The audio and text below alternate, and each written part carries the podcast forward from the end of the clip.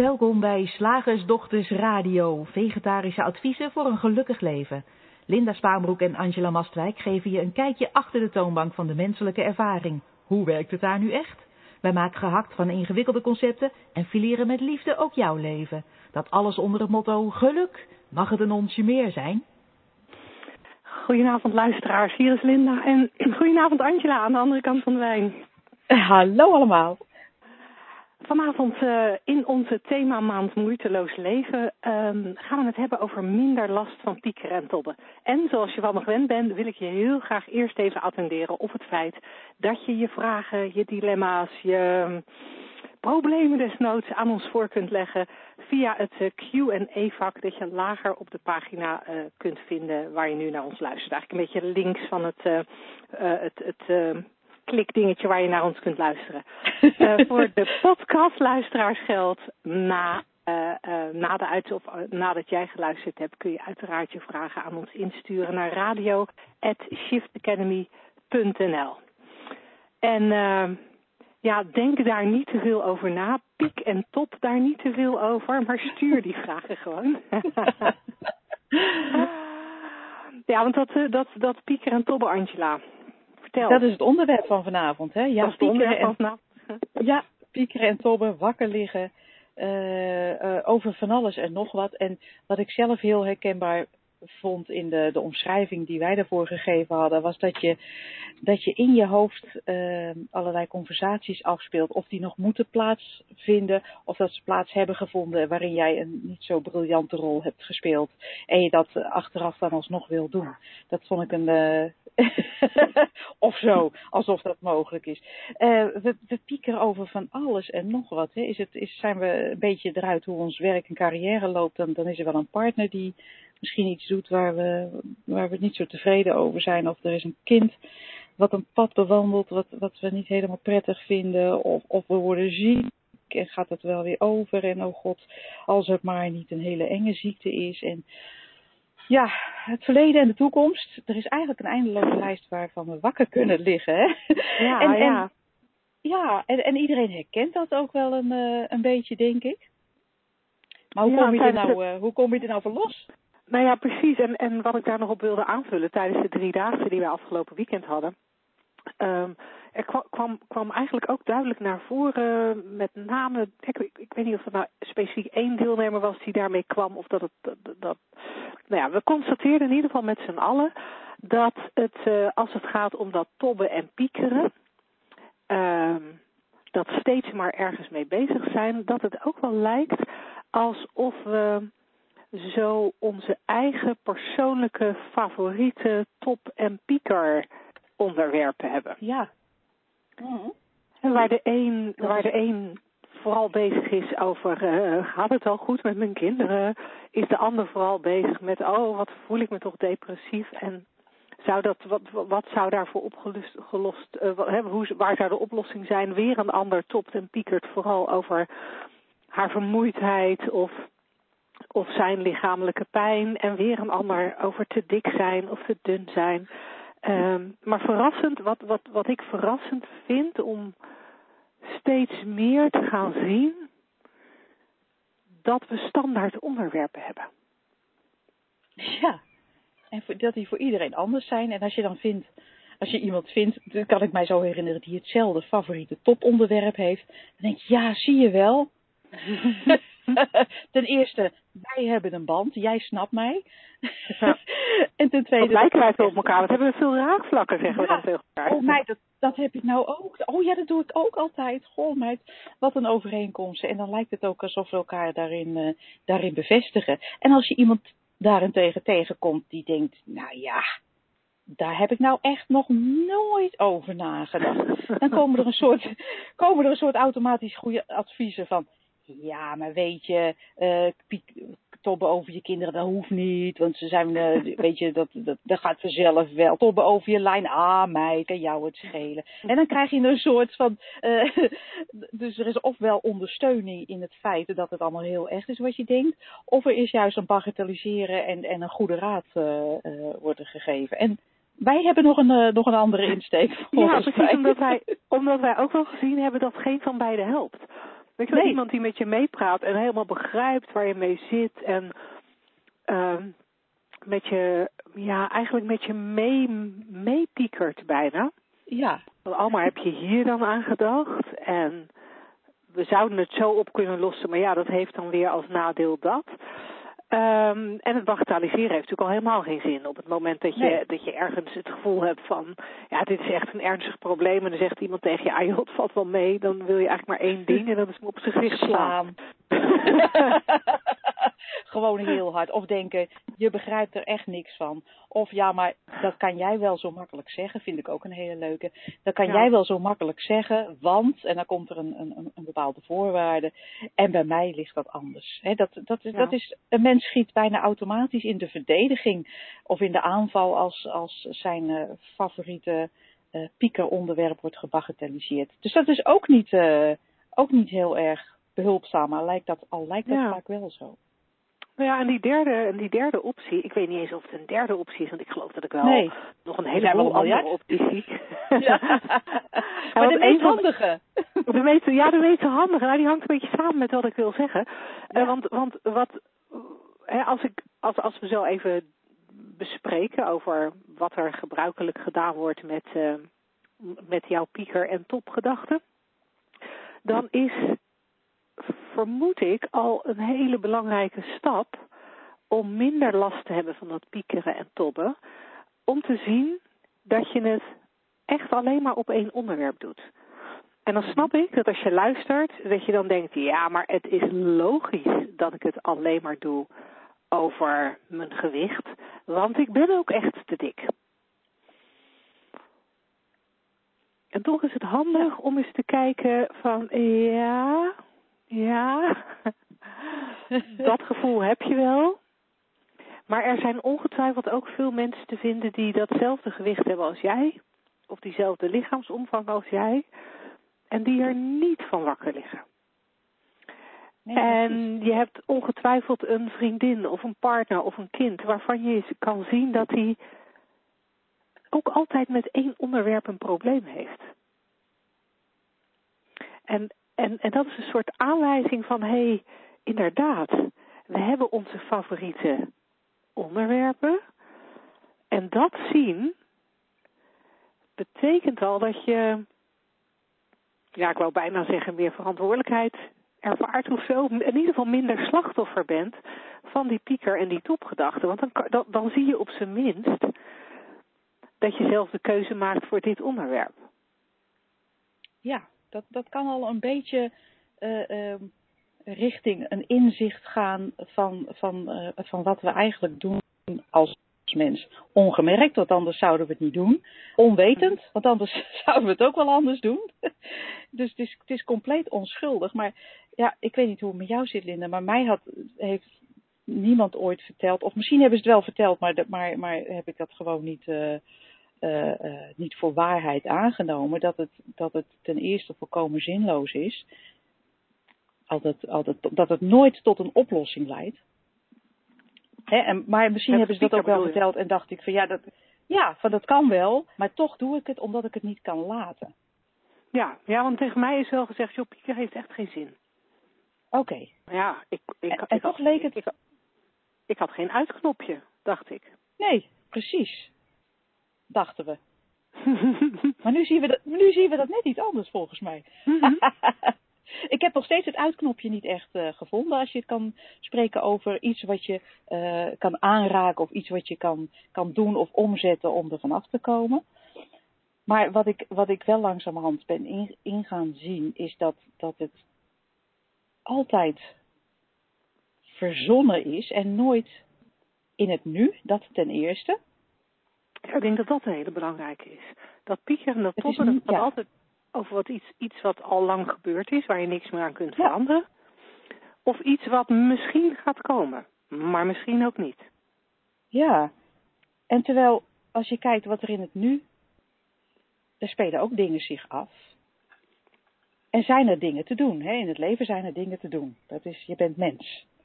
Mhm. Maar het doen, het doen lijkt mij nooit een probleem. Maar het denken erover, en dat is altijd vooraf of achteraf, dat maakt juist, dat, dat maakt het vervelend. Dat maakt het pieken en tobberen, tobberen, wat een leuk woord. dat, dat, dat maakt het zo vervelend. Dat maakt dat het ook, dat het, uh, dat dingen pijn gaan doen, lijkt het. Maar wat, wat pijn doet is natuurlijk gewoon het gepieken en het getop zelf. Nooit het onderwerp waar je over pieket en topt. Ja, en dat is denk ik heel belangrijk om, om te benadrukken en, en te, te leren herkennen, is dat het lijkt alsof het het onderwerp is dat pijn doet. Um, laten we even iets nemen. Um, nou, kunnen we iets verzinnen wat niet al te, al te heftig is? Um, er zijn, ja, het ligt, het, het, ligt natuurlijk maar aan wat je heftig vindt. Uh, stel je werkt op dit moment uh, bij uh, de Blokker op het hoofdkantoor. Ja. En Blokker heeft aangekondigd dat ze al hun formules gaan verkopen behalve de Blokker Holding. Nou, dat betekent dat als jij op het hoofdkantoor zit en je werkt bij iets anders dan, dan de, de blokker, de formule blokker, um, dat je niet weet wat er gaat gebeuren. Je weet niet of, of jouw baan blijft bestaan, je weet niet of de formule waar je bij werkt snel of langzaam verkocht wordt. Geen idee. Dus er is, daar, ja, daar weet je van alles niet. En dan zou het goed kunnen zijn dat je daar veel over na gaat denken. Dat je daar veel gedachten over krijgt. En het kenmerken van piekeren en tobben is dat het eigenlijk altijd onzekere gedachten zijn. Oh, als ik nou met de kerst mijn baan nog maar heb. Oh, wat zou er gebeuren als de formule waar ik werk verkocht wordt? Um, um, als ik uh, ontslagen word, ja, vind ik dan nog wel een nieuwe baan? Um, al die gedachten doen pijn. Niet het feit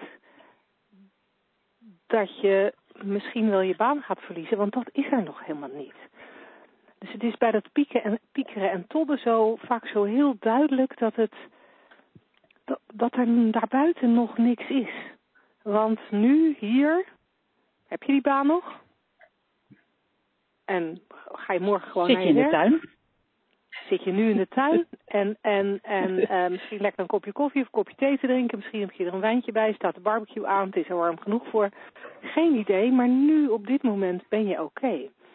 En het, het, het enige waardoor je niet oké okay bent, is zodra je gaat denken over wat er misschien wel met je baan gaat gebeuren. En, en dan start je een gedachtentrein op met allemaal verschillende wagonnetjes, met allerlei verschillende facetten van, van, dit, van wat er mogelijk zou kunnen gebeuren en wat daarvan mogelijk het, het gevolg is. En het feit dat het zo aantrekkelijk is om erin mee te gaan, heeft te maken met het feit dat wij als mensen nooit geleerd hebben dat onze gedachten alleen maar gedachten zijn.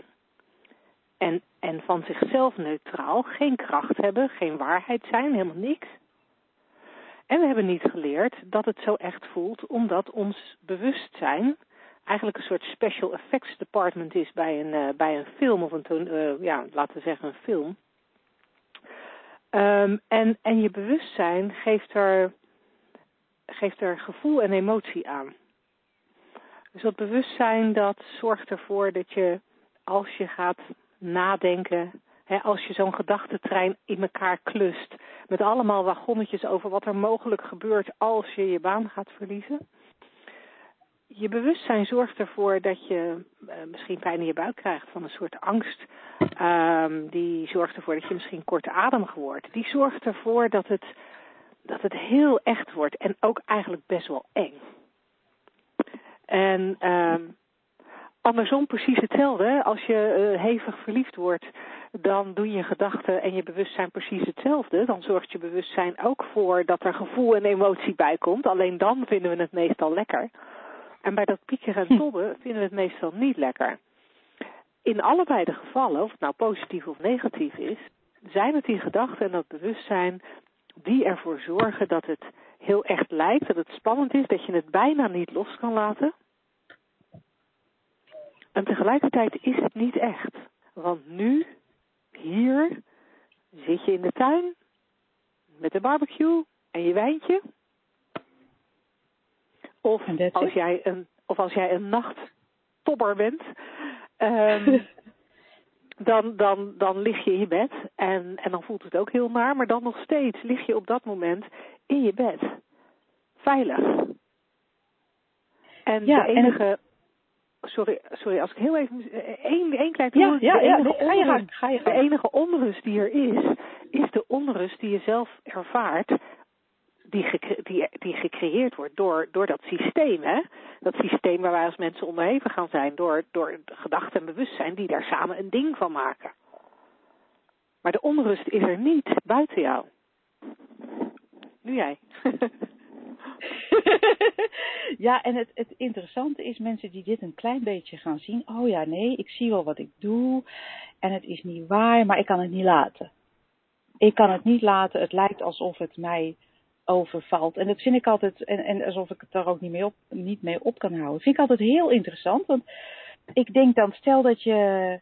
Uh, nou, op vrijdagavond hebben wij vaak, als we in Nederland zijn, snackavond, ga ik dat halen. En uh, stel nou dat je een keer, hè, wij staan nog wel eens op diverse plekken, je komt een patattent tegen waar ze echt enorm smerige patat hebben. echt, echt vies. Echt, je gaat er van over je nek. Druipt van het vet, echt heel ranzig. Vieze saus ook. Dus dat is niet fijn. Dat is niet fijn, want je wil lekkere, lekkere dikke frieten en, en goed gebakken en uh, een fijne mayo. Mm -hmm. Is het dan ook heel moeilijk om niet te denken, om, om, om, om de volgende keer uh, niet naar diezelfde vieze frieten te gaan. Volgens mij niet. Volgens mij, als je eenmaal zo die, die vieze friet hebt gegeten en je snapt, nou, dat is dus blijkbaar deze frietbakker doet iets wat ik niet fijn vind, dan lijkt het mij niet dat je de volgende keer zegt, ja, ik kan er echt niks aan doen. Ik, ik moet gewoon weer naar diezelfde friet bakken en ik laat mij weer diezelfde meuk serveren. ik, ja, ik vind het. Nou ja, probeert het misschien nog één keer, maar als het dan weer zo vies is, ga je inderdaad nooit meer. Het kan een ongelukje zijn dat je denkt, nou, gisteren lag ik te piekeren over mijn kind. Het hielp geen ruk, want vandaag was er nog precies hetzelfde. Uh, uh, ik zag nog precies hetzelfde uh, probleem. Als je het als, iets als een probleem hebt gecreëerd in jouw realiteit. Ik heb er een nacht van wakker gelegen en ik zie het nog precies hetzelfde. Nou, misschien dat je er nog een keer probeert een nachtje van wakker te liggen met hetzelfde resultaat, namelijk uh, niks. He, dat is, je gaat nog één keer frietjes halen, kijken, kijken of, nou, en als het dan weer niet te eten is, als zo'n zo nacht wakker liggen nou weer niet te bevallen is. Ja, het lijkt mij een soort, als je het echt ziet, logisch dat, dat je het dan gewoon niet meer, niet meer doet. He, want je doet het echt jezelf aan en, en het, het, een inzicht daarin, dat, dat dat het systeem is. Je doet het jezelf aan, want hier in het hier en nu is er niks aan de hand. Ja, wel eens dingen te doen, maar zeker niet als je in je bed ligt of aan de barbecue bent. Uh, ja, ik, ik zou haast zeggen, dan, dan verlaat het jou wel. He, je, je, dan, dan ga je echt wel op zoek naar een andere frietent. Of je eet geen patat meer, of weet ja. ik veel. Ik ja, kan me niet voorstellen... Er, nou, wat, ja? wat, waar ik mezelf wel eens op betrap, ik... ik ik wil dan toch nog wel eens een keer die frietent inlopen. Maar of ik bestel een patatje. En na de eerste denk ik, oh getver, dit was een, dit was een verkeerde beslissing en ik gooi hem weg. Of ik ja. kom binnen en ruik al die vieze lucht. En draai me om net achter de voordeur en, en maak rechtsomkeerd. Ja. Dus ik, ik, het is niet zo dat ik helemaal die frietent niet meer, weet je, dat, dat die er helemaal niet meer is. Maar ik hou me er niet erg lang meer mee bezig. Nee, precies. En je komt misschien ook wel eens nog een andere frietent tegen waar het allemaal niet zo uh, feestelijk smaakt. Maar ook dan heb je het gezonde verstand om, om daar niet eindeloos te blijven rondhangen en nog zes rondes patat uh, te bestellen. Het lijkt mij uh, niet logisch zodra je door hebt dat dat niet de plaats is waar je, waar je moet zijn. Nee. En je voelt het, hè, als je ligt te piekeren en te tobben. Er is nog nooit iemand die, die een hele dag loopt te, loopt te tobben en die zegt, nou, ik voel me echt zo lekker vandaag. Ik heb echt, ik zit kip lekker in mijn vel, ik doe alles fluitend. Het is, de wereld ziet er prachtig uit. En andersom hetzelfde. Er is nog nooit iemand die de hele dag weinig gedachten heeft en gewoon ja, doet wat, hij op dat moment, wat er op dat moment voor hem ligt. Of, of hier en daar eens een, uh, een vrolijke gedachte heeft. Die zegt, nou, ik vind, na, na, nee, ik zag het niet zo zitten vandaag. Er is echt een, er is echt een één op één correlatie tussen, tussen dat, dat soort pieker- en topgedachten en, en een, een onprettig gevoel. En weinig gedachten en een prettig gevoel. En je hoort ons niet zeggen dat je dus je gedachten moet ombuigen, hè? want dat is gewoon, weet je, ja, ja, je loopt wel eens een frietent binnen, nou en. Zoals jij al terecht opmerkte, ik doe het nog steeds wel eens. Maar ik maak rechtsomkeerd of na het eerste frietje denk ik, vandaag foutje. niet. foutje ja, bedankt. foutje, bedankt. ja, ja. ja, ik denk dat we over dat ombuigen misschien gewoon nog maar eens een hele uitzending moeten doen. Want, ja, want het ehm, klinkt, het klinkt zo een soort logisch gevolg van wat wij zeggen. Ja. oh, dan moet ik dus alleen maar vrolijke gedachten hebben. Of, of zelfs, Ja. dan mag ik alleen maar vrolijke gedachten hebben. En dat is absoluut niet waar, Ja. waar wij naar verwijzen. Wij Nee, verwijzen gewoon nee, naar het systeem wat erachter zit. Ja, precies. Ik, ik las vandaag ook iets van, van iemand die een aanbod had. En dan zou je eh, leren om je helpende gedachten en je niet helpende gedachten te onderscheiden. En, en dat, is, dat is ook niet wat we, wat we hier bedoelen. Dus Nee. hopelijk hebben we het al heel helder gemaakt. Maar we zetten ehm, het. eh, we zetten het onderwerp eh, nog op de agenda voor, voor na de zomer. Ja.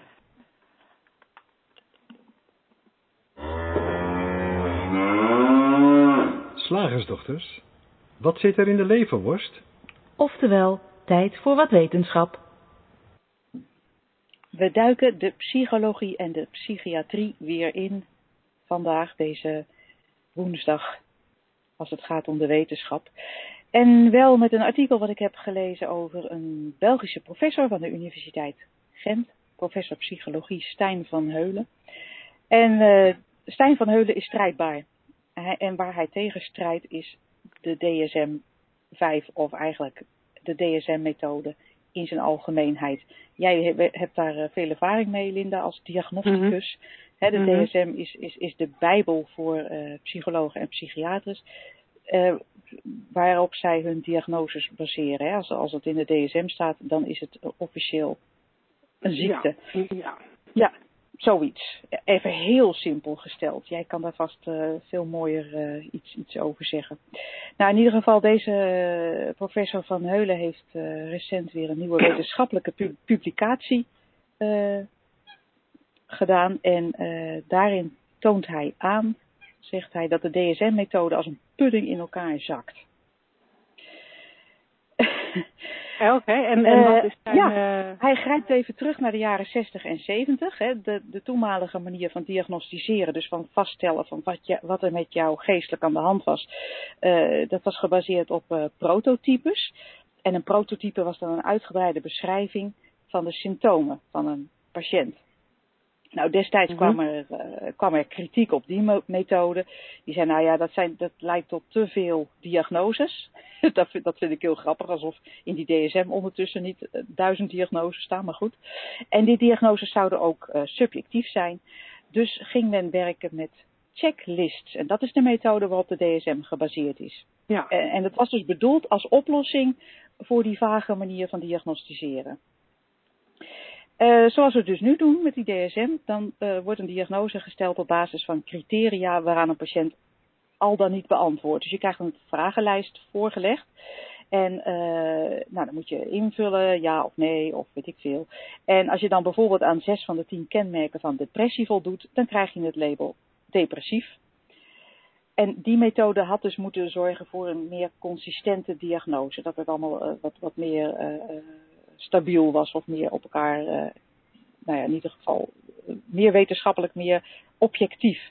Maar dat, dat klopt dus niet, zegt eh, deze professor Van Heulen. Want hij toont aan in een studie dat er tot nu toe nauwelijks studies, of goede studies zijn gedaan die bewijzen dat die DSM-diagnose betrouwbaarder is geworden in vergelijking met die vroegere prototypische methode. Mhm. Hij zegt, en, en eh, hij toont eigenlijk aan in, in, in zijn wetenschappelijke publicatie dat het niet betrouwbaarder, maar juist onbetrouwbaarder is geworden. Ja, hij zegt uh, de jaren zeventig was men nog erg streng met, uh, met de normen. En die DSM-methode die heeft veel lagere normen. En hij noemt dat een vorm van wetenschappelijke manipulatie. Hij zegt, en dat is misschien niet zo zichtbaar, omdat je niet echt kunt spreken van datavervalsing. Maar die, die normen aan gaan passen in de functie van waar je wilt uitkomen. Dat, hij zegt, dat is niet bepaald wetenschappelijk. En zelfs met die lagere norm, zegt Van Heulen, moet hij concluderen dat, dat die DSM-methode minder betrouwbaar is. Wat, wat zegt hij dan wel? Ja, de kern van psychiatrische diagnostiek, zoals hij het ziet, is dat patiënten weer gedetailleerd en uitgebreid worden geobserveerd. En ook in hun sociale context en culturele context en persoonlijke context moet helemaal in kaart gebracht worden om een goed beeld te krijgen van de patiënt als geheel. Hij zegt, en bij de DSM-methode komt dat er nauwelijks bij kijken. Dat, dat, is maar het sausje wat ze eroverheen doen. Uh, het is nu zo, er moet eerst een diagnose komen op basis dus van die checklist die ik net noemde. Ja, en daarna dan kan er nog eventueel wat rekening gehouden worden met de context. Hij zegt, en dat is dus fundamenteel fout. Deze professor beweert vervolgens, ja, een groot deel van de depressies moet je gewoon bekijken in het licht van uh, gebeurtenissen in iemands leven. Mm -hmm. uh, nou, daar hebben wij misschien straks ook nog wel even wat over te zeggen, Linda. Hij zegt, ja, je kan een diepe teleurstelling ervaren uh, op, op je werk, je relatie of je familie, migratie, trauma's. Dat zijn breukvlakken in het leven. En uh, je moet als psychiater dus wel inzicht hebben in, uh, in, in, in zo'n mensenleven om de juiste diagnose te kunnen stellen. Uh, hij zegt daar is nu geen tijd en geld voor of dat wordt er niet voor uitgetrokken. En dat is dus niet handig. dan gaat het nog even over die criteria in die DSM, die dus te vaag zijn. en als voorbeeld is ook weer een, richting jouw stokpaardje, Linda, noemt hij een kind dat een aantal kenmerken van ADHD zou hebben. Uh, hij zegt, ja, rusteloosheid, wat is dat dan? Of overbewegelijkheid, het is zo'n vage omschrijving. Elk kind is wel eens rusteloos, elk kind kan uh, wel eens niet stil kunnen zitten. Of, of je hebt gewoon een kind wat, wat dat helemaal niet uh, kan. Hij zegt, dat soort kenmerken moeten veel juister en veel genuanceerder definiëren. We moeten eigenlijk terug naar de basics. Want het is nu niet, niet realistisch en uh, ja, mensen krijgen medicatie op basis van uh, het voldoen aan een paar vage criteria. Dat kan nooit de bedoeling zijn. Uh, meer tijd en geld, zegt hij, is een van de oplossingen. Dus dat er weer tijd komt voor de patiënten. En hij zegt, ik ben waarschijnlijk aan het vechten tegen windmolens. Dat klinkt dan weer heel Nederlands. Mm. hij zegt maar, het, het, is dus nu zo dat mensen die, die echt een probleem hebben, ja, dat daar niet voldoende aandacht aan wordt besteed, omdat er zoveel mensen voldoen aan die criteria. Maar dat ligt dus aan die criteria. Ja. Volgens hem dus uh, zakt die DSM-methode als een pudding in elkaar. En uh, hij hoopt dat er snel een andere uh, methode voor in de plaats komt. Of in ieder geval meer tijd en meer geld om patiënten volgens zijn inzichten te diagnosticeren. Ja, wat, wat, ik, wat ik altijd dubieus heb gevonden aan, uh, aan de DSM is dat in ieder geval um, in de diagnostiek van kinderen, want ik heb, ik heb als orthopedagoog uh, kinder- en jongeren uh, en adolescenten diagnostiek gedaan, geen volwassenen. Ja. maar daar, wa daar, waren, er waren best nog wel wat diagnoses in die DSM die um, um, de die eindigde op NOS, not otherwise specified. En, oh ja. um, en, en, en dat betekende eigenlijk van ja, ja, weet je, er zijn dingen die ons niet bevallen in het gedrag van dit kind. Maar hij past niet in, echt in een goed hokje. Hij, uh, hij, hij past niet in het autisme hokje. Dus noemen we het PDD-NOS. En dat NOS staat dan weer voor not otherwise, uh, uh, not otherwise specified. Dus dan, dan, dan uh, een van de orthopedagogen waar ik door opgeleid ben, die zei van dat is een verlegenheidsdiagnose. Um, dan weten we het niet en dan, en dan, maar ja, we zijn het er met elkaar over eens dat het gedrag van het kind niet fijn is, dus, dus komen we met een verlegenheidsdiagnose. Uh, maar in de DSM wordt die, worden dat soort, um, ja, wat je verlegenheidsdiagnoses zou kunnen noemen, wel heel erg um, als, waar, uh, als waarheid beschreven. En is er zelfs voor dat soort uh, labeltjes nog wel weer een checklistje um, waar je dan een kind toch nog langs kan leggen. En um, ja, ja, het houdt dan ook wat, niet op, hè? Nee, het houdt niet op. En dat vind ik sowieso als je um, met je kind naar een, uh, naar een orthopedagoog gaat. Uh, dan, dan komt daar iets uit. Het is maar zelden dat er gezegd wordt, uw kind heeft niets. U denkt alleen maar dat er iets mis is met uw kind, maar u heeft echt een heel normaal kind. Um, want je, je moet als ouders um, bijvoorbeeld um, vragenlijsten invullen over uh, de ontwikkeling ja. van het kind.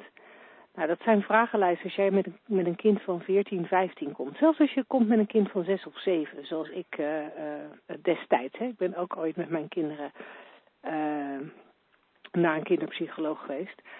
Dan, dan, dan word je gevraagd om informatie op te lepelen van de zwangerschap en, en ja. de hele vroege jeugd van je kind. En we denken als ouders dat we dat heel erg goed kunnen um, benoemen. En dat we dat allemaal nog zuiver hebben onthouden. Terwijl er ook heel veel onderzoek is waaruit blijkt dat ons geheugen echt heel erg slecht is. Echt, echt, wij denken dat iets gebeurd is en het is gewoon niet gebeurd. Het is volstrekt arbitrair als wij terugkijken naar het verleden of dat wat we, dat wat we uh, zien, hè, wat er gebeurd zou zijn in het verleden, of dat waar is of niet. En daarnaast is het nog eens zo dat alles wat wij ons nu herinneren, um, um, zelfs, als het, zelfs als het ons gelukt is om, om toen iets te ervaren, 15 jaar geleden, hebben we iets ervaren.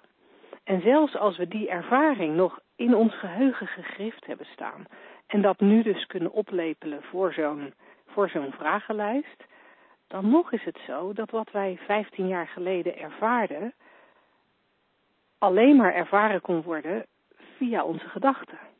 Wij hadden gedachten over die situatie, over die ervaring, over dat ding. Als ik kijk bijvoorbeeld naar mijn zwangerschap, als je aan mij vraagt hoe is je zwangerschap verlopen, nou, ik heb twee niet zulke fijne zwangerschappen gehad. Ik heb het, het, het resultaat was geweldig, ik ben er nog steeds blij mee. Maar dat zwanger zijn, voor, mij, voor, voor mij was het het niet. Ik heb ook die hele zwangerschap vrij veel negatieve gedachten gehad over alles wat daar gebeurde. En met de kennis die ik nu heb, vind ik het jammer dat ik te oud ben om kinderen te krijgen. Want ik zou bijna nu nog een keer zwanger willen zijn, om te kijken of ik met hoe ik nu in het leven sta, die zwangerschap wel net zo zwaar zou ervaren. Want ik had zoveel gedachten over van alles en alles wat ik voelde en nou weet ik het allemaal.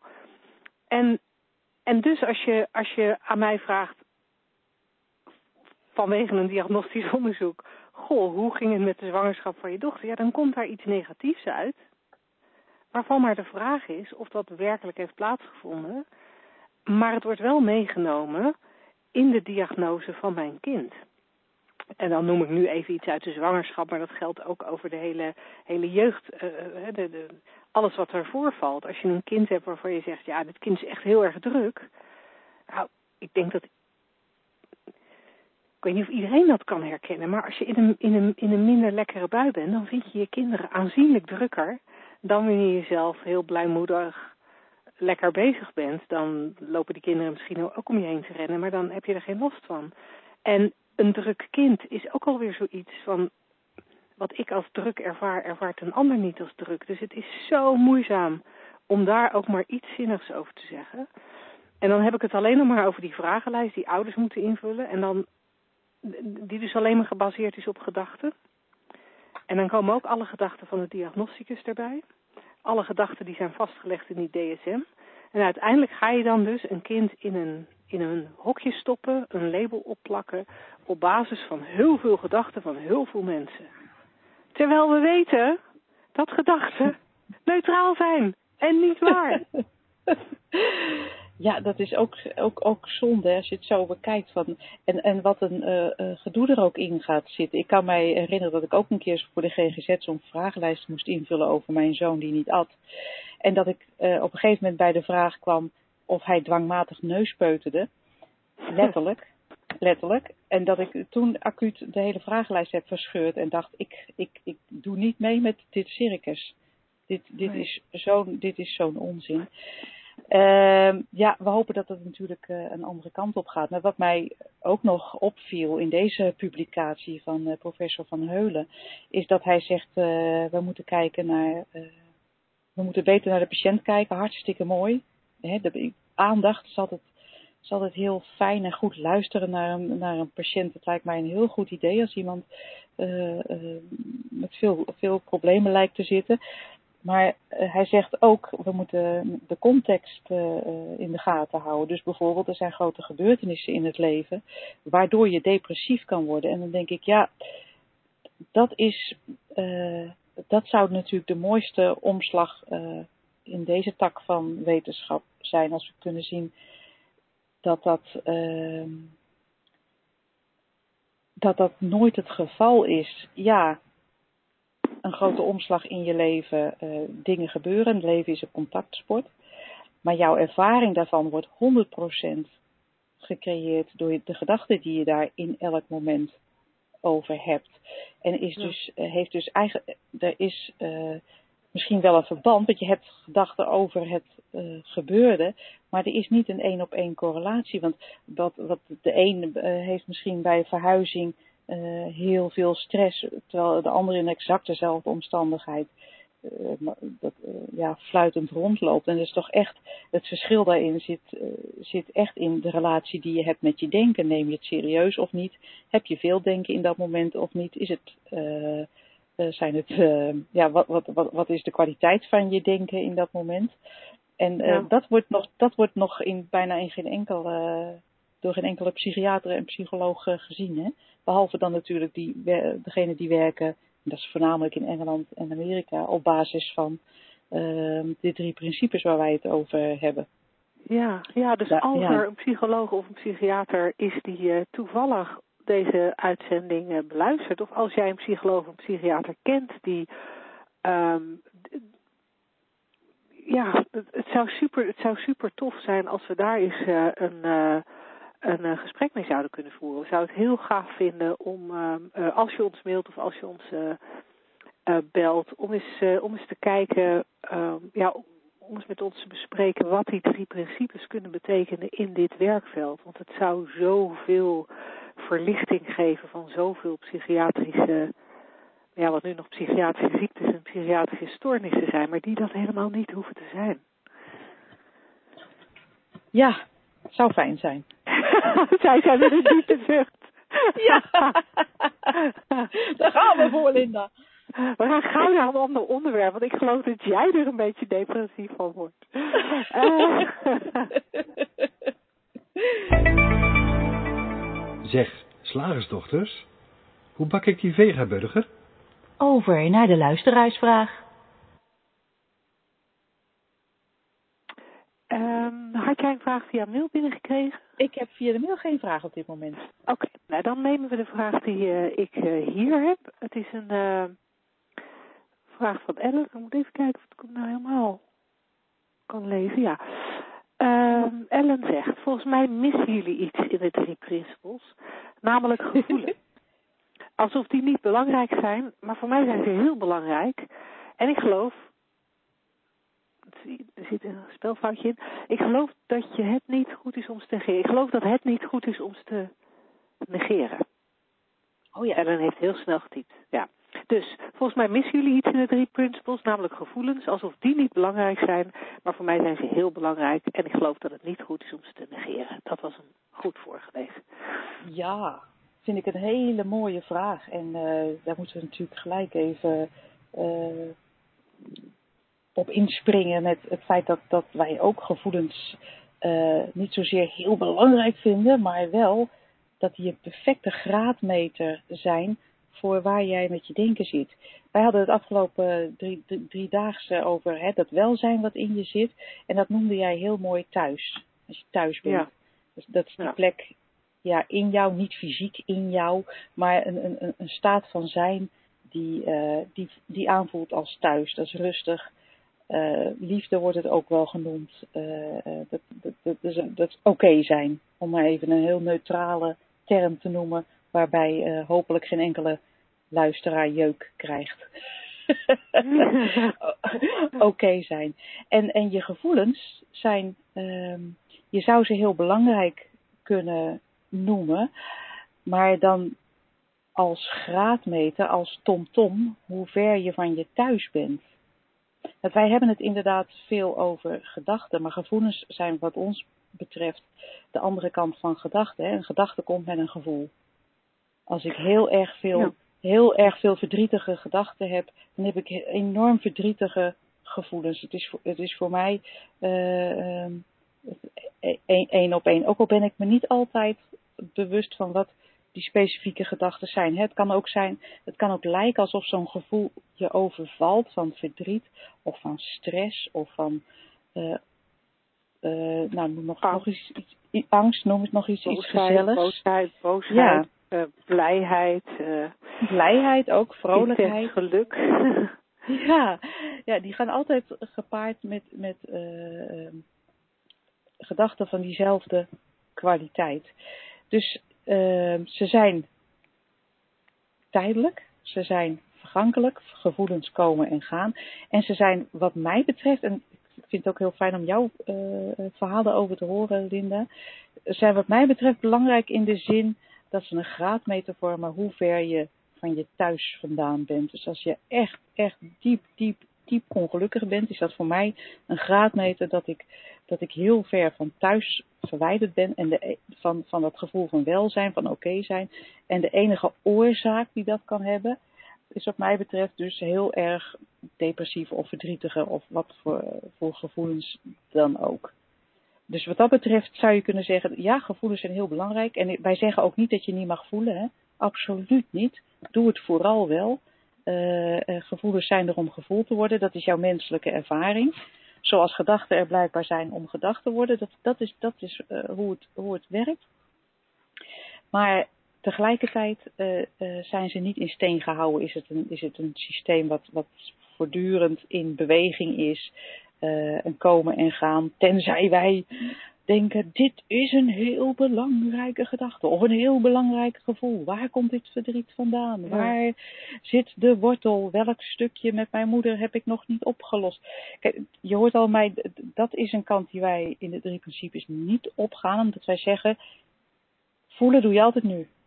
Ik kan niet gisteren voelen en ik kan ook niet morgen voelen. Ik kan alleen maar nu voelen en wat ik nu kan voelen is eh, de gedachte die er op dit moment spelen. En als ik heel veel gedachten heb, heb ik waarschijnlijk niet zo'n fijn gevoel. Ben ik ver van mijn welzijn. Of, en, en, en speelt er niet zoveel. Of, of, of zit ik mij enorm te verheugen op, ons, op, de, uh, op de nieuwe driedaagse die wij hebben ontwikkeld. dan ben ik, ja, dan ben ik super vrolijk. Dus wat dat ja. betreft zitten, zitten er twee kanten aan. Wat zeg jij, Linda? Nou, ik, ik heb bij. Uh, als, als, als iemand zegt van ja, jullie negeren die gevoelens een beetje. Um, dan, dan heb ik het gevoel dat. Nou, in dit geval Ellen, met alle respect Ellen, uh, maar dat je iets belangrijker maakt dan het in werkelijkheid is. Um, en, en ik kan me dat ook wel voorstellen, want er zijn ook stromingen die, uh, uh, zeg maar in, in de persoonlijke ontwikkeling of uh, zelfs ook wel in de psychologische hulpverlening, die gevoelens juist heel erg belangrijk vinden. Um, heel erg belangrijk vinden in de zin van je moet het doorwerken, je moet er niet, je moet er doorheen werken. Um, het is een signaal, je moet het niet ophopen in je lijf, uh, want daar kan je ziek van worden. En um, en die gevoelens die lijken ook heel belangrijk, omdat ze zo heftig zijn. Vaak. Als het, als het uh, uh, als, als het gevoelens zijn waar je last van hebt, als het gevoelens zijn waarvan je zegt, ja hé, hey, maar jullie missen toch iets, want, uh, want gevoelens zijn heel belangrijk. Uh, dan zijn dat vaak de meer heftige gevoelens. Want um, het gevoel dat je hebt over het feit dat je je tanden staat te poetsen, daar hebben we het eigenlijk nooit over. Daar zijn we allemaal heel neutraal over, in het, over het algemeen. Uh, goh, wat geeft het tandenpoetsen mij een enorm goed of slecht gevoel? Nee, dat doe je gewoon. Dan sta je weer stil. En uh, soms staat er in de badkamer iemand tegen je te leuteren terwijl je het staat te doen. En, en, en sta je naar het verhaal te luisteren in plaats van na te denken over je tandenpoetsen. Zo, zo, zoveel, zo belangrijk uh, vinden we het in, in dat opzicht. Um, maar dat die gevoelens, die, die gevoelens, die voel je heel erg. En dat is wat ik natuurlijk aan het begin bij het pieken en, pieker en toppen al, al probeerde te beschrijven. Hoe dat komt, hè, door dat samenspel van gedachte en bewustzijn. Maar dat is altijd alles wat het is. Ja. Ge gevoelens op zich zijn, zijn niks. Het is, het is precies wat jij zei. Een, een, een gevoel is alleen maar een gevolg van een van een gedachte. En soms weten we welke gedachte het is. En heel vaak weten we dat helemaal niet. Dan loop je op straat en ineens, pats, schiet er iets, schiet er een gevoel in je. Ben je ineens heel blij, of ben je ineens heel vrolijk, of ben je ineens heel verdrietig. Het kan van alles zijn. Uh, maar je merkt vaak dat je, dat je gevoel van het een op het andere moment kan switchen. En de, de enige reden waarom het zo snel switcht, is omdat er een nieuwe gedachte of een andere gedachte in je hoofd komt. Um, dus, dus nee, wij missen gevoelens niet in de drie principles. We slaan ze niet over, we zien ze niet over het hoofd. Maar we zeggen wel, hé, hey, het is een hele normaal, een heel normaal onderdeel van de human experience. Het hoort erbij. Zonder gevoelens zou je geen mens zijn. Alleen realiseer je dat dat het gevolg is van het samenspel van gedachte en bewustzijn dat systeem, hè, die, die, die twee, twee van de drie principes, gedachte, bewustzijn, die, die, die doen hun ding en maken dat jij het leven ervaart, maken dat jij het leven voelt. Ja, en, en wat ik ook nog even wil zeggen, wat er mij opkomt, is van, van als we zeggen, nou gevoelens zijn heel belangrijk, dus ik geef heel veel aandacht aan mijn gevoelens, dan hebben we het vaak alleen maar over de gevoelens die we niet willen. En want ik heb nog nooit iemand horen zeggen, oh, ik moet altijd geluk een plekje geven. Of ik moet al die vreugde, moet ik, daar, moet, daar moet ik doorvoelen. Of ik moet uh, al die blijdschap moet ik, uh, moet ik even verwerken. Of, nee, dat, dat nee, wat ik mensen wel hoor zeggen, wat ik mensen wel hoor zeggen, ja, ja ik, ik, ik, ik, ik, ben nu, ik, ik ben nu zo gelukkig, dat kan natuurlijk niet zo blijven. Daar moet een keer ja. een eind aan komen. maar dan, dan is er alweer een soort angst. ja, ja. ja, het is echt zo grappig. Want dan, dus als je gevoelens heel belangrijk maakt, laten we even, van, laten we even hypothetisch zeggen, stel dat dat zo is, maak dan ook alle gevoelens even belangrijk. He, maar dan zal je zien uh, dat dat eigenlijk heel raar is om op momenten dat je helemaal oké okay voelt, uh, uh, dan ga je ook niet zeggen, nou dit is een heel belangrijk gevoel. Nee, dat is er gewoon oké okay zijn en blijdschap is er gewoon, vreugde is er gewoon. En zo is het depressie, een depressief uh, gevoel er ook gewoon. En dat kan ook weer net zo snel gaan als wij daar niet zo'n ding van maakten van nee, maar dit komt ergens vandaan en, het, en waar gaat het naartoe en het, het moet een plekje krijgen en wat is de wortel. Weet je, ja, gevoelens zijn gevoelens. Dat is de mens. Wee, geniet ervan. Ja. Van zowel de ja. ups en de downs. Van de kriebel in je buik als je naar beneden gaat op die, op die uh, achtbaan van gevoelens. Als de, de, de, de, de, de, de, de blijde verwachting als je omhoog getrokken wordt in het, uh, in het karretje. Ja, ja. maar maak er, niet, maak er niet meer van dan dat. Dat is het niet. Nou, lijkt me een mooi besluit van deze vraag. Dankjewel voor je vraag, Ellen. Ja, en, bedankt. Uh, mocht jij als luisteraar ook een vraag voor ons hebben, uh, stuur hem naar radio.shiftacademy.nl of uh, laat hem achter in het question and answer vak uh, op onze radiopagina. dat mag je overigens ook doen op een ander moment dan de radioshow. Hè? Want als jij op dinsdag of op woensdagochtend je vraag al in, invult, dan zie ik hem hier gewoon vrolijk s s'avonds om half acht verschijnen in mijn schermpje. Dus voel je vrij. Woensdag, gehaktdag. Zeg slagersdochters, welk concept gaat er vandaag door de molen? Oh, deze heb ik voor jou uitgezocht, Linda. Oh, echt waar? ja, ik, ik las hem in, ik geloof, uh, nou ja, een van de bladen laat ik ook geen namen noemen, want we zitten hier niet om, om uh, dingen op mensen af te katten, maar meer om, om uh, een licht erop te schijnen. Hè? Ja. Een damesblad meldt dat het toch bewezen is dat je gelukkiger bent als je een zus hebt. En nu heb jij okay. geen zussen en ik heb er twee. Dus ik dacht, nou, ik vind ja. het zo sneu. Ja, dat ik, dat ik even, even, even begrip voor je wilde tonen. Ja. en je wilde ja. ondersteunen in deze moeilijke tijd waarin uh, je geen zus uh, hebt. Nooit gehad ook, maar... Ja, nee, ik heb het dus al 51 jaar heel moeilijk. Begrijp je? Ja. Ja, ja nou, nou precies. En het is dus echt bewezen dat je gelukkiger wordt van het hebben van een zus. Ik vind het een reuze interessante, want jij zei vorige keer al van als je dat soort statistieken uh, nader gaat bekijken, dan zie je dat er altijd maar een heel klein clubje mensen eigenlijk, hè, relatief gezien op de hele wereldbevolking, uh, gevraagd is uh, naar hun geluksbeleving van het al dan niet hebben van een, van een zus. Ik kan mij zo voorstellen dat het ook heel erg cultuurgebonden is. Misschien dat als je in uh, aan een, uh, ik noem maar wat even een Zuid-Amerikaanse, Indiase stam vraagt hoe is het uh, te hebben van een zus. En je treft net een stam waarin dat helemaal niet wordt bijgehouden of iemand je zus is of je dat ze geen idee hebben waar je het over hebt.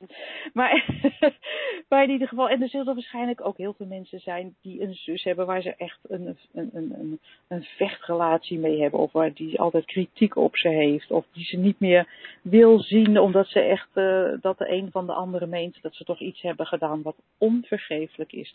Dus ja, zoals jij al eerder uh, opmerkte bij dit soort uh, bewijzen en dit soort statistieken. Het is eigenlijk volkomen arbitrair. En weet je wat ik me eigenlijk afvraag, uh, Linda, als we dit concept gaan kraken? Zouden er nou mensen zijn die, uh, uh, die, dat, die daar dus echt in uh, gaan geloven en er dus een probleem van maken dat ze geen zus hebben? Kom jij die tegen? Nee, maar ik, ik moet je zeggen, ik heb dit, dit, um, dit onderwerp nooit erg in mijn blikveld gehad. uh, dus daar kan dat ook alles mee te maken hebben. Uh, en ik denk altijd bij mezelf, ja, je weet toch helemaal niet wat je mist. Als je het nooit gehad hebt, weet je toch ook niet hoe het is om het wel te hebben. Dus hoe kan je daar een ding van maken? Het enige waar je een ding van kan maken, is, is uh, uh, je, je, je kan heel veel gedachten creëren, daar heb je ze weer. Je kan heel veel gedachten creëren over hoeveel leuker het zou zijn met een zus, omdat je met die zus dan X, Y kon bespreken en ja. AB kon doen en um, uh, misschien met het broertje dat je nu hebt, um, uh, heb je veel in de clinch gelegen en dan bedenk je dat dat met een zusje anders geweest zou zijn. Maar ja, dat is hetzelfde als wat ik nu ga zitten bedenken van, goh, hoe zou het, hoe zou het nou voelen om lesbisch te zijn? Dat kan toch helemaal niet? Dat ben, ja, dat kan helemaal niet. Dat, dat ben ik niet. Dus hoe, hoe, ja, daar kan ik van alles over gaan zitten verzinnen. Maar ja, of, of, hoe zou het zijn om een man te zijn? Hoe zou het ja, zijn om een man te zijn, Angela? Ja, een bos donkere krullen te hebben. Ik, ja. ik, ik weet het niet, maar ik heb het idee dat ik ook iets mis, dat ik geen bos donkere krullen op mijn hoofd heb. Nou kan ik dat natuurlijk aan mijn man vragen, want die heeft toevallig wel een bos donkere krullen op zijn hoofd. Die van jou trouwens ook. Dus ja. uh, wij maar hebben ja, dan die zit dan naar me te kijken en denkt bij zichzelf, hè? Ja, ik vind daar niks van. Ik heb daar geen gedachten over. Ik, uh, oh, heb ik, heb ik krullen? Oh, haar op mijn hoofd. Ja, wij worden er ook een beetje melig van, uh, dit, soort, dit soort stellige beweringen. maar inderdaad, je kan alleen maar, ook, ook in, het, in het licht van wat jij net vertelde over herinneringen, dat je, dat alleen maar terug kan halen door de bril van nu en dat je helemaal niet weet of dat daadwerkelijk zo geweest is, omdat je die situatie door de gedachten van uh, die tijd hebt waargenomen, hebt, hebt ervaren. En het geldt natuurlijk net zo goed voor, uh, voor, voor, voor dit soort dingen. We hebben gewoon geen idee. We zeggen maar wat. We kletsen maar wat met dit soort concepten. Ja, ja. Ja, en het, het um, kijk, het vult, het vult dan wel weer zo'n damesblad. Ja. Um, en, en jij vroeg net, hè, van zouden mensen daar dan uh, uh, echt van gaan denken, goh, wat jammer dat ik geen zus heb. Maar ik kan me voorstellen dat dat, dat dat het heel erg eraan ligt hoe je zo'n blad leest. Ik moet je zeggen dat ik wel toenemend minder plezier beleef aan het lezen van dergelijke bladen. Ja.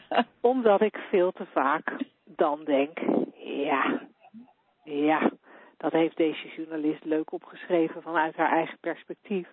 Ik kan het heel moeilijk meer als de waarheid zien. Uh, en dat geldt met dit soort dingen ook. Maar, maar ja, tegelijkertijd lijkt het wel een soort functie te hebben dat heel veel mensen het lekker vinden om mee te gaan in die gedachten. Uh, en daar eens even lekker over te mijmeren uh, of, de, of, of, de, of hun eigen zus wel of niet bevalt. Of uh, het feit dat ze iets gemist hebben omdat ze die zus niet hebben. Maar ik krijg de indruk dat je als, als je zo'n artikel leest, dat je vooral aan het denken gezet wordt. Ja, En je- ik, je- ik zie ook. Ja? Ik, ik zie ook gelijk een, een, een, nieuwe, een, een nieuwe aandoening in de DSM. De Missing Sister Syndrome. ja, ja, ja, bijvoorbeeld. En, en, en, nou ja, en dan, en dan kom je er dus achter dat je het missing sister syndrome hebt. Maar, dan, maar, maar het enige wat zo'n artikel doet, is jou aan het denken zetten. En wij weten dat daar waar je gaat denken, je eigenlijk verwijderd raakt van dat goede gevoel wat jij eerder deze uitzending al noemde. Je raakt Ja, verwijderd van home. En dat is heel belangrijk dat je dat, dat je dat noemt, want dat is de essentie natuurlijk van. Hoor je dat? Ik word gelijk ook helemaal serieus. Dat is natuurlijk Ja. de essentie van waar we naar willen verwijzen. Dat, dat het nadenken over dit soort dingen alleen maar het, eh, het genereren van meer gedachten is waar je niks aan hebt. Nee, ruis. Het is echt ruis op de lijn. Het is echt, het is echt zonde om daar überhaupt eh, mee bezig te zijn. En, en nogmaals, weet je, als je gezellig eh, eh, bij een kampvuurtje zit met een wijntje en je hebt zin om eens eventjes lekker te filosoferen, tuurlijk, filosofeer er vooral op los. Ehm, maar besef, besef wel dat dat is wat je doet. En dat, dat het filosoferen, het nadenken, Ehm, nou ja, dat zal gevoelens en meer gedachten bij je oproepen. En wees je ervan bewust dat die dus niet echt zijn, maar echt alleen maar voortkomen uit, ja, uit het feit dat je een, eh, een gedachtenterrein op gang brengt. Over in dit geval het hebben of niet hebben van een zus. Ehm, maar dat kunnen we over elk onderwerp doen. Ja, mooi gezegd. Ja, ik heb wel het idee dat ik een beetje streng eindig, deze uitzending. nou, zullen, we dan, zullen we dan gewoon eindigen met iets leuks, wel iets waar wij allebei ontzettend enthousiast over zijn Oh ja, en ja, ja, zin ja. in hebben. Ja, we hebben natuurlijk eerst nog 30 juni onze masterclass Stress Made Simple. De eerste keer hebben we die eh, gedaan, ik geloof twee maanden geleden, helemaal uitgekocht en eh, zeer veel enthousiaste eh, deelnemers. Blij naar huis, lekker ontspannen. Eh, zouden we dit, eh, dit keer ook leuk vinden, dus dat, dat is al leuk in het vooruitzicht. Maar we hebben van de week ook iets bedacht waar wij allebei heel, heel, heel blij over zijn. Als dat Ja. kunnen. En dat is namelijk een, een driedaagse verdieping in de drie principes met de naam Bevrijd de Pippi in jezelf. Zo leuk. Ja, zo leuk. En vooral zo leuk omdat ehm, het, het- ontstond eigenlijk tijdens de afgelopen drie dagen waar, waar, we, waar we eigenlijk in de gesprekken met de deelnemers meer en meer gingen zien dat, ehm, dat, dat, dat veel van onze klanten zichzelf heel erg tegenhouden. Eh, dingen niet durven, dingen niet doen, eh, zich niet zo, zo, zo ontplooien als ze graag zouden willen, wel dingen doen die ze eigenlijk liever niet doen. Ehm, en, en, en, en nou ja, wa- wat het is, is het. Maar wij hadden zoiets van, van ja, je moet jezelf toch niet alsmaar laten tegenhouden door het stemmetje van de redelijkheid. Hè? De Annika uit, de, uit Sri Lanka. Het stemmetje van de redelijkheid die, voor, die alsmaar, alsmaar een beetje tegen je zeurt dat het toch niet kan en dat het fout gaat en dat het spannend is. Jij kan het stemmetje beter nadoen.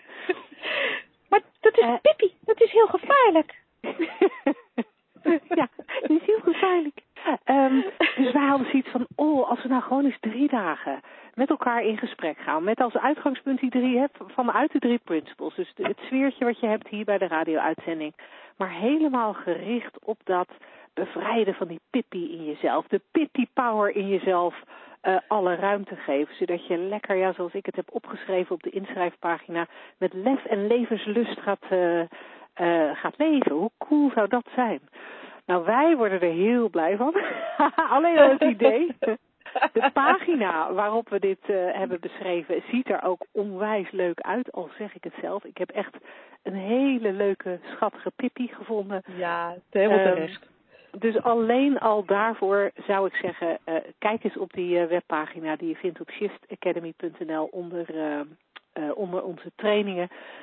onder het kopje trainingen. En al, al was het alleen maar om Pippi daar even in haar vrolijke oogjes te kijken. Maar ja. meedoen zouden we natuurlijk helemaal gaaf vinden. Uh, zodat je echt, uh, we, we, doen het halverwege juli, zodat je echt de zomer in kan met jouw nieuwe, jouw, jouw herontdekte Pippi Power. Ja, tof. nou, tot zover onze uitzending van vandaag. Dankjewel voor het luisteren en hopelijk zien we je op een van onze bijeenkomsten, of de Masterclass 30 juli, of de uh, Bevrijd de Pippi in jezelf driedaagse. Uh, heel graag. Tot later. Tot dan. The moderator has left the conference.